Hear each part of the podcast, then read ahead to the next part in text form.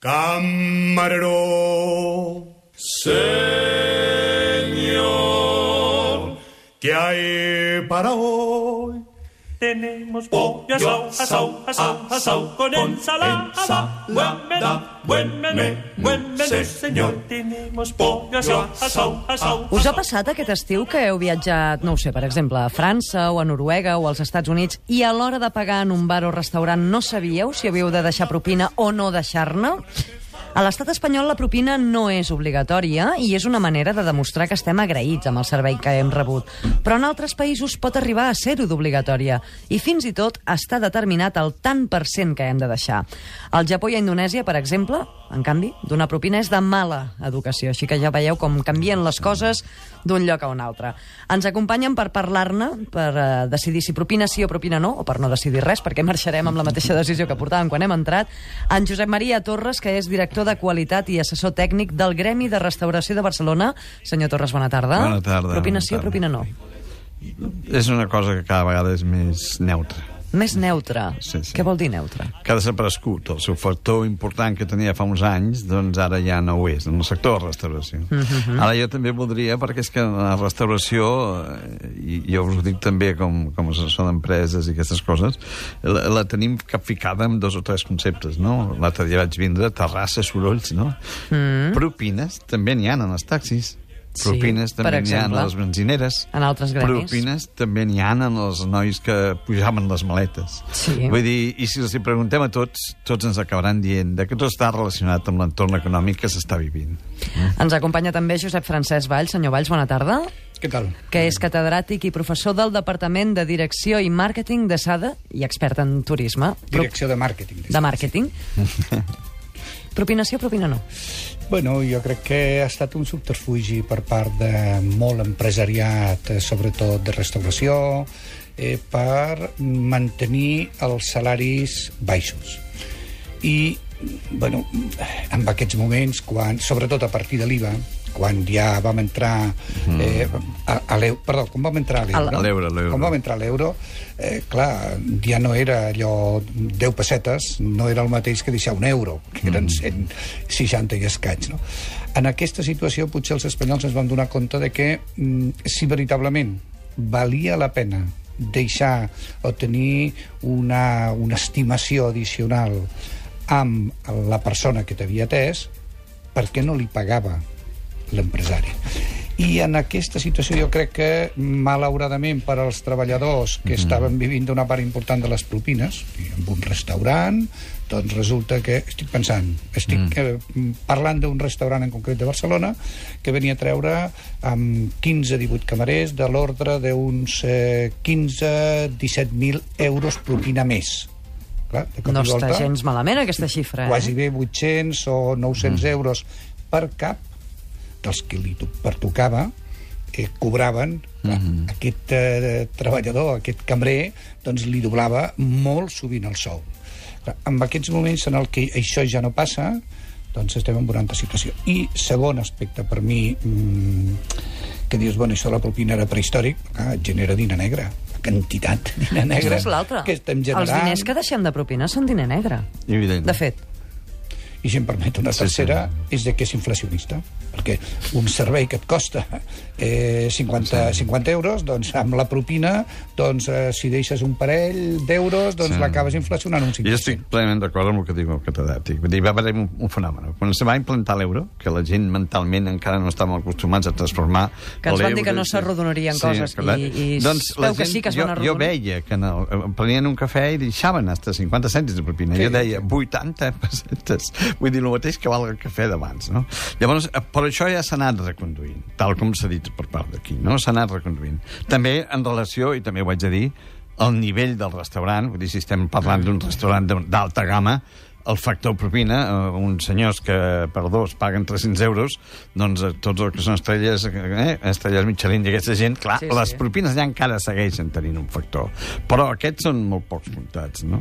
I a més a més eh, hi ha un factor que l'ha acabat d'enf- d'enfonsar, el tema propina, que és el pago per targeta.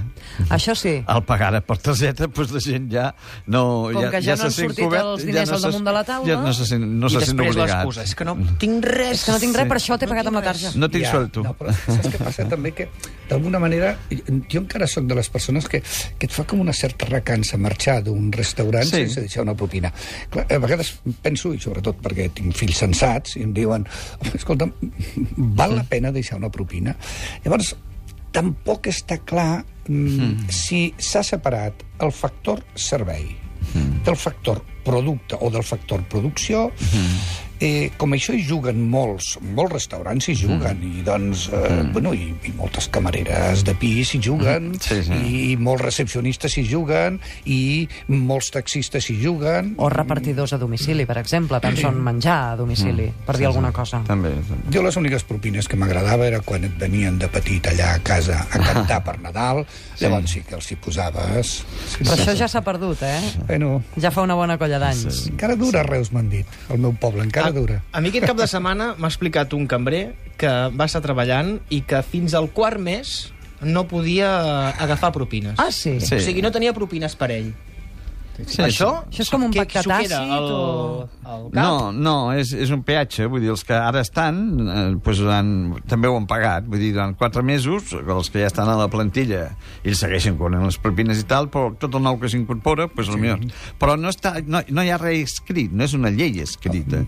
I llavors, a partir d'aquí, jo estic plenament d'acord. Ara, el que també dic com a sector, que cada vegada és més reduït el concepte aquest, i per tant ja el treballador ja no, per ell, per ell ja no forma una part vital de, de salari indirecte, de cap de les maneres. Ah. Perquè és que, a més a més, tot el tema del fast food, tot el tema del Burger King, tot el tema, tot això, és propines no n'hi ha. Llavors, ja les noves generacions, tal com deia el catedràtic, ja no estan acostumades. És que tampoc hi ha cambrers en aquests llocs de menjar ràpid. Ets tu que has d'anar-t'ho per a servir. mateix. Llavors, la informació que nosaltres tenim és que, per exemple, segons els països europeus, doncs, a veure, els francesos, els italians, molt reacis a donar propina. Molt reacis.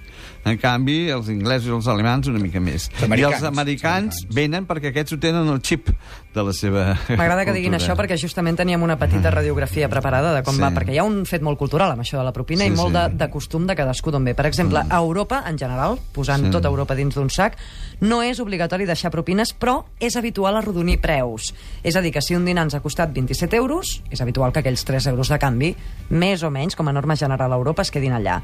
A Hongria, concretament, és habitual donar propines als dentistes i metges per canviar de Ai, gremis, eh? pobres dentistes, clar. A Grècia, el compte inclou una propina del 15%, però si el servei és bo, el client acostuma a deixar entre un 5 i un 10% més.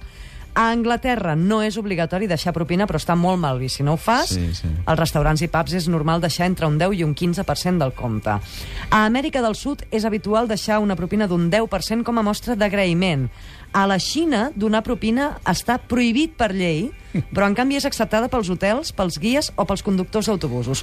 I als Estats Units va de la següent manera que ens descrivia Quentin Tarantino a l'inici de la pel·lícula Reservoir Dogs. Bueno, todos aflojar la mosca para la señorita. Vamos, suelta un pavo. Ah, ah, no doy propina. ¿No das propinas? No, no creo en eso. ¿No crees en dar propinas? ¿Sabes lo que ganan esa chica? Es una mierda. No jodas, si no ganan bastante, que lo dejen. ¿Qué querías? ¿Que te la chupara debajo de la mesa? Venga ya, estas tías no están muertas de hambre. Cobran el salario mínimo. Yo también trabajé así, cobrando eso. Pero entonces no tuve la suerte de que alguien me diese propina. No te preocupa que para vivir necesiten tus propinas. No tienes ni idea de lo que estás diciendo. Esta gente se rompe el culo. Es un trabajo duro. Y trabajar en McDonald's también, pero a ellos no les dejas propina. ¿Por qué no? Te sirven igual, pero no. La sociedad dice, no dejes propina a estos, pero sin embargo dásela a aquellos. Gilipolleces. I hem anat a buscar l'exemple dels Molt Estats ben Units, elegit, on la ben cosa elegit. està Sí, molt sí. més especificada. A mi el que, d'alguna manera, penso que aquest debat és interessant en quan ens col·loca davant de la situació actual que estem. Abans, en comptes d'euro, jo he dit IVA. Mm. Dintre de poques hores eh, implantem uh -huh. un IVA extraordinari en el sector turístic i veurem com el nostre sector eh, treballa i ho aguanta I i s'ho menja d'entrada, s'ho entoma, exacte. Llavors, jo diria que eh, a partir d'aquesta nova realitat, les relacions entre els productors i els clients ha de ser molt distinta. Però és que els productors, és dir, els amos de les empreses, siguin de restauració, siguin de taxi, siguin del que sigui, han d'organitzar els negocis de manera que els seus treballadors cobrin adequadament per fer-ho molt bé per servir extraordinàriament bé, posant els preus que val la producció, el proveïment, el manteniment, els costos salarials uh -huh. i d'aquesta manera no hagin de buscar-se la vida eh, fent un, somri un somriure addicional. Amb un n'hi ha prou. És dir, el servei no és un servilisme. Llavors, moltes vegades, a la búsqueda d'aquesta propina, els clients en el sector... Perdó, els clients, els, els treballadors, cambrers, els cambrers, en el sector turístic en general, que és molt procliu, doncs, bueno, està, està amb una dosi complementària, addicional de servilisme, que no és exactament el que un client vol pagar. També pot passar, ho comentàvem aquest matí a la redacció, que en països com els, els Estats Units, que són l'exemple més clar, no? on, on la propina és pràcticament obligatòria, és a dir, l'has sí. de deixar, i certament els cambrers, ens seguim centrant en el gremi de la restauració, mm, perquè és el que tenim tots més al cap, els depèn una part del seu sou d'aquestes propines? El servei és força millor que en països on no els hi va d'aquestes propines al seu sou? No, jo no ho crec. El que passa que hem de ser conscients de que en el servei, i amb això estic plenament d'acord amb el que diu el, el senyor Monge de Via Benetó, que eh, Catalunya i Espanya amb el tema de la matèria de producte, de matèria prima, de manera de, de gastronomia i de tot això, eh, entre els mediàtics que hem tingut i entre tot això, estem en primera línia. Eh? Uh -huh. I, I tenim turisme gastronòmic. Tenim turisme gastronòmic. I hi ha molta gent que ve a Barcelona, ja ve amb la llista i ja em pregunta, ja em pregunta, escolta, i tal restaurant? O sigui, ja saben on van. Una altra cosa és que eh, per, ara ja no passa tant, però per, perquè ja no hi ha rètols de falta camarer, ni falta dependent, i tot això. Ja no hi ha rètols, això, no? El sector va tindre una necessitat d'una mà d'obra per el servir a la sala, i per part dels empresaris van optar perquè eh, el, la gent de sala era només un passaplatos. Vull sí. dir, ja no hi ha el camarer que et desbarassa, que et munta el peix, que, que ja no hi són. No eren cambrers I, vocacionals, no per dir-ho ràpidament. Això mateix. I llavors ha portat en aquest sector una sèrie de professionals que veritablement aquí tenim un punt feble. Uh mhm. -huh. eh? Tenim un punt feble. Per què? Perquè no és la seva vocació. Jo quan veig i parlo amb alguns de, dels persones, persones estrangeres que estan treballant d'això i et diuen la carrera que tenen i tot això, dius, aquesta persona té que estar patint fent aquesta feina, perquè no, no és la seva vocació. I, I aquest és el problema. El problema és un tema vocacional. Tu ja notes, quan entres en un restaurant i veus l'edat mitja de la gent, veus si hi ha un equip sí. de gent que té vocació de servei i veus que no. Aquell que està esperant que te'n vagis, aquell que et fa la mirada quan entres, que ja saps que ja t'ha detectat, ja saps que està per tu, o aquell restaurant on estàs enmig de la... i sembles invisible, que ningú et diu res, ningú, ningú et fa cas, eh? I tens... O, en el cas de demanar la compta, i t'has de posar de genolls en vasos en creu perquè sí, sisplau, cobri'm, eh? és, que, és que vull pagar-li, sisplau, sí, sí, li demano sí. per favor. Sí, sí, sí. Com Aquí a la ràdio no tenim, no tenim propines, eh, ja ens agradaria o no, no ho sé. El que sí que tenim són anuncis, i aquests ah. senyors sí que, quan demanen la paraula, sí, se'ls sí. ha de donar. Surta que és estiu i demostra que estàs Aquí és estiu. Toca't, sort que és estiu i demostra que estàs viu. Aquí, Catalunya Ràdio, la ràdio nacional de Catalunya. Carinyo, demà em poso a dieta mediterrània. A Amanida? No, a Grècia, a Croàcia, a Itàlia... A partir del 28 d'agost, disfruta amb Costa Cruceros de 7 dies pel Mediterrani des de només 690 euros, salpant de Bari i amb taxes i vol des de Barcelona inclosos. Entra a costacruceros.es o passa per la teva agència de viatges i consulta les condicions d'aquesta promoció. Mundo Deportivo t'ofereix la col·lecció El millor Barça de la història en DVD. Tres DVDs únics que resumeixen 4 anys històrics i 14 títols d'un Barça de llegenda. Una col·lecció que tots els culers haurien de tenir. Aquest diumenge el primer DVD amb 3 lligues, dues copes i 3 supercopes. Cada diumenge un DVD amb Mundo Deportivo.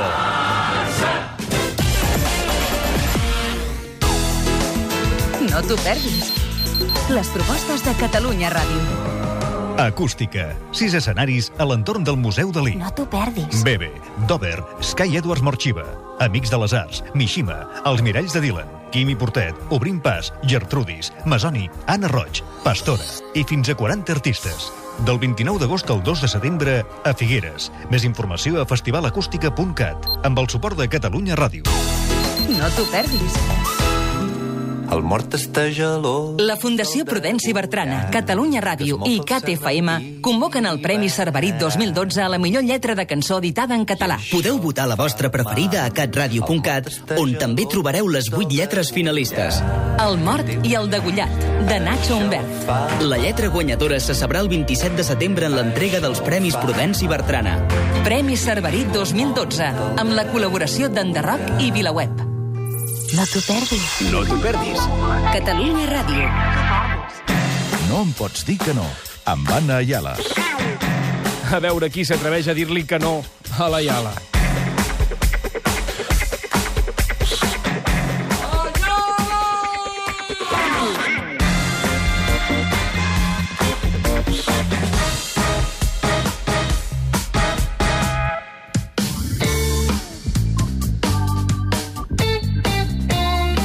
Avui al No em pots dir que no ens estem plantejant una pregunta molt senzilla. Propines sí o propines no? Si en deixem, estem contribuint que l'empresari pagui menys encara al cambrer? Estem contribuint a un paternalisme malentès?